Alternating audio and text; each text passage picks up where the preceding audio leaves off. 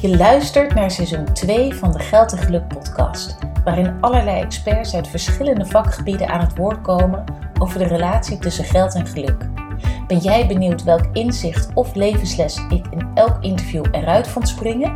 En naar mijn tips hoe je dit kunt vertalen naar jouw eigen dagelijks leven? Dan is deze bonusaflevering echt iets voor jou. Ben Emma Hafkamp, GZ-psycholoog, coach en yogatherapeut en oprichter van Praktijk Lux. Ik help financieel vrije leiders naar een lichter, gelukkiger leven vol zin en betekenis. En voor jou host ik deze podcast. Ik wens je veel inspiratie en luisterplezier. Welkom bij de vijfde bonusaflevering, waarin ik zal reflecteren op een thema dat er voor mij uitsprong in het interview met Lenert Jan van Doren. In deze aflevering zal aan bod komen wat de invloed is van gedachten op gevoel, waarom gedachten soms bedrog zijn en een strategie om onafhankelijker te worden van jouw gedachten. Maar allereerst dus de invloed van gedachten op gevoel. Ik vond dat Leender Jan hier een prachtig en beeldend voorbeeld van gaf in het interview. Hij was aan het vertellen over zijn rollen die hij vervult in het leven. En een van die rollen is dat hij vriend is van andere mensen. En hij vertelde dat hij ehm, bij een persoon altijd had gedacht dat dat zijn beste vriend was. En dat dat ook wederzijds was. Dus dat hij ook zelf de beste vriend van deze persoon was. En op een gegeven moment kwam hij erachter dat deze man hem, hem zag als zijn één na beste vriend. En vanaf dat moment had hij daar een heel eigenlijk naar of, of ja, wat negatief gevoel over. Terwijl die week ervoor de situatie precies hetzelfde was. Maar toen was hij nog helemaal blij met de gedachte dat dat zijn beste vriend was. Kortom, je ziet hierin dat de situatie is helemaal niet veranderd. Hè. Ze hebben nog steeds dezelfde vriendschap, ze doen nog steeds dezelfde dingen, ze praten op dezelfde manier met elkaar. Maar waar voorheen Leendert Jan dacht, ik ben zijn beste vriend. En dat gaf hem een goed gevoel, een gevoel van erkenning misschien ook wel en van belang zijn. De week erop dacht hij, of ontdekte hij, ik ben niet zijn allerbeste vriend, maar zijn één na beste vriend. En die gedachte veranderde zijn gevoel. Namelijk, het werd negatiever. Uh, hij baalde, hij was misschien wel teleurgesteld. En uh, hij geeft ook aan, hè, daar zijn ze helemaal mee in het reinen gekomen. En nu zijn ze elkaars één beste vriend en is het weer helemaal goed. Maar het geeft heel erg aan dat de gedachte die je hebt over een situatie of over iemand, dat die heel sterk kan bepalen hoe jij over die situatie of over die persoon voelt. En in de cognitieve gedragstherapie, dus een vorm van therapie in de psychologie, dat um, nou, heel veel gebruikt wordt en ook wetenschappelijk heel sterk bewezen effectief is, wordt ook heel erg vanuit die aanname um, behandeld en gedacht. Dat je hebt een situatie, of ook wel een gebeurtenis. Het zijn allemaal woorden met G's. Dus misschien heb je wel eens gehoord van het G-schema of het gedachtenschema. Dat is iets wat heel vaak als interventie in wordt gezet in de cognitieve gedragstherapie. Je hebt dus een gebeurtenis en die gebeurtenis is in principe neutraal. Net als dat ik ook wel eerder heb gesproken over dat macht neutraal is en dat geld neutraal is. En pas op het moment dat je er iets over gaat denken of iets mee gaat doen, krijgt het een bepaalde lading, negatief of positief. Nou, hetzelfde geldt voor gebeurtenissen. Die zijn in principe neutraal. En pas de gedachte die jij bij die gebeurtenis hebt of over die gebeurtenis hebt, die gedachte bepaalt welk gevoel jij gaat hebben over die gebeurtenis. Dus de gedachte is eigenlijk echt de factor die tussen de gebeurtenis en jouw gevoel in zit, die bepaalt wat de uitkomst van jouw gevoel is. En wat we graag als, uh, of vaak als voorbeeld als uh, cognitieve gedragstherapeuten geven in therapie is uh, dat je een man en vrouw in bed ziet liggen. En ze worden allebei s'nachts wakker van een hard geluid. En uh, de vrouw draait zich om omdat zij denkt, ach, de kat zal de vaas wel hebben omgegooid. En de man die schrikt op, uh, raakt in paniek en denkt, er is een inbreker. Het is dus precies dezelfde gebeurtenis, maar doordat deze twee personen verschillende gedachten hebben over die gebeurtenis, gaan zij daar ook verschillend gevoel op hebben. Dus angst versus misschien gewoon ontspanning of onverschilligheid. En vervolgens bepaalt dat gevoel en die gedachte samen ook wat het gedrag er vervolgens op is. Dus de mevrouw draait zich nog even lekker om en gaat weer verder slapen. En de man gaat nou ja, misschien wel uit bed springen uh, om op zoek te gaan naar de mogelijke inbreker die er is. En dit pakketje tezamen, dus de gebeurtenis, de gedachte, het gevoel en het gedrag, bepaalt wat voor gevolg er uiteindelijk op de gebeurtenis um, volgt.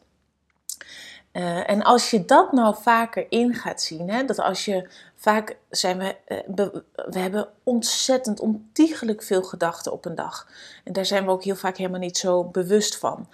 Maar uh, het gevoel dat we hebben, dat voelen we vaker wel goed. Dus op het moment dat jij een onbestemd gevoel hebt, of verdrietig bent, of boos bent, of angstig, kan het heel nuttig zijn om eens terug te halen. Wanneer begon dit gevoel precies en wat gebeurde er op dat moment? Wat was de gebeurtenis en welke gedachten had je daarbij? Want daar, en daarmee kom ik op het volgende punt en ook de titel van deze podcastaflevering. Gedachten zijn heel vaak bedrog. Het zijn vaak aannames of ehm, eh, dingen die we baseren op het verleden, die misschien helemaal niet meer gelden in het heden of in de toekomst.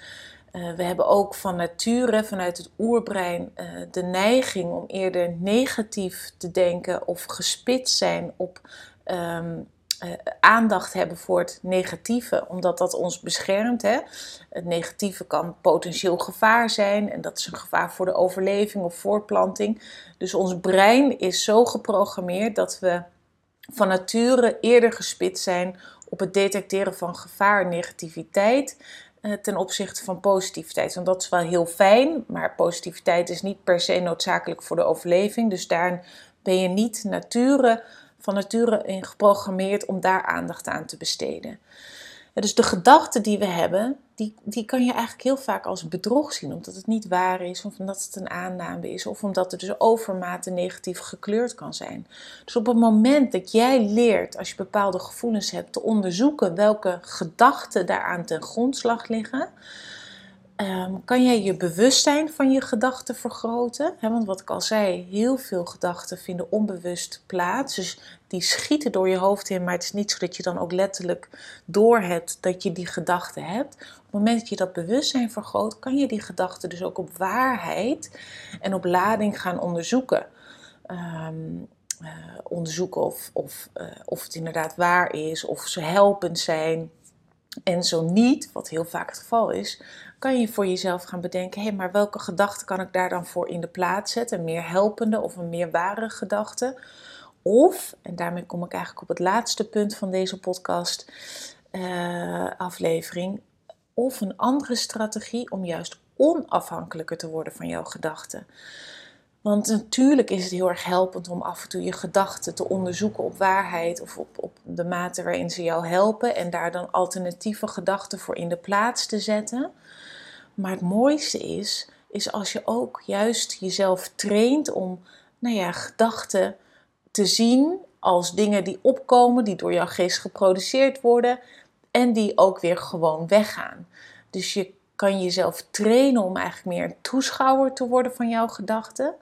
En op het moment dat jij een toeschouwer bent, creëer je automatisch al wat meer afstand tussen jou en de gedachte.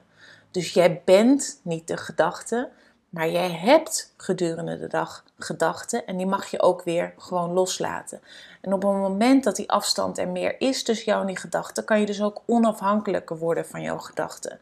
Dat betekent dat gedachten niet automatisch tot een hele rollercoaster aan gevoelens hoeven te leiden of een opeenstapeling aan nog meer gedachten die over dat bepaalde specifieke onderwerp bijvoorbeeld gaan, maar dat jij het kan zien opkomen dat je kan denken, oh ja, daar heb ik weer zo'n gedachte waar ik, eh, of een valkuil waar ik vaker intrap.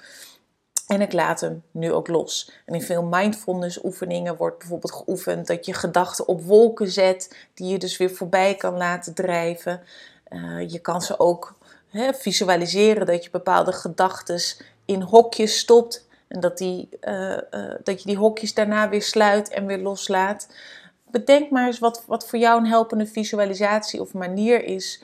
Wat jou gaat helpen om afstand te creëren tussen jou en jouw gedachten, zodat je er onafhankelijker wordt, zodat de gedachten niet altijd zo direct en intens jouw gevoelens hoeven te beïnvloeden.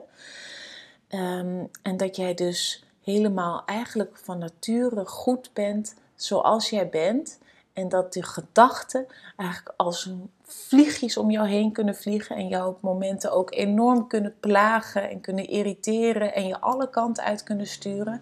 Maar dat als je weer een moment van stilte weet te pakken, dat je kan voelen, zonder die gedachten ben jij helemaal goed. Ben jij helemaal oké? En is jouw gevoel ook oké of neutraal? En pas als je weer die gevoelens toelaat en weet te zien en, en in gaat geloven, ja, dan, dan, uh, dan, dan beïnvloedt dat weer je gevoelswereld.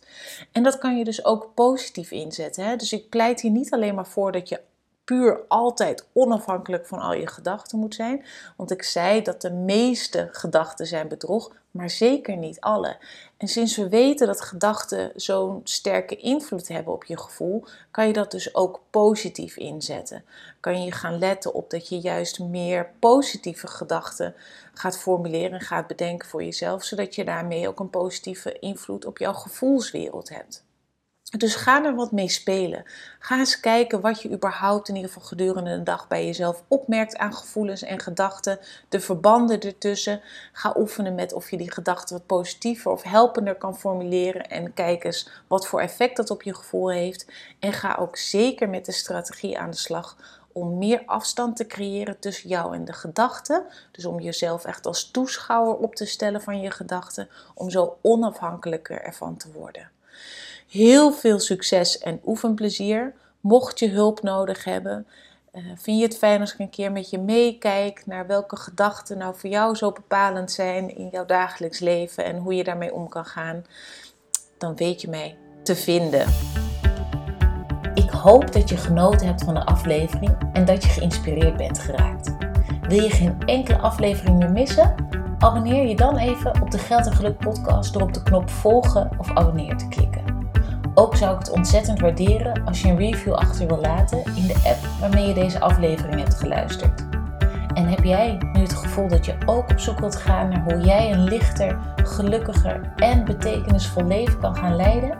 Bekijk dan mijn aanbod op de website www.praktijk-lux.nl of stuur een e-mail naar info praktijk-lux.nl. En wie weet, tot gauw!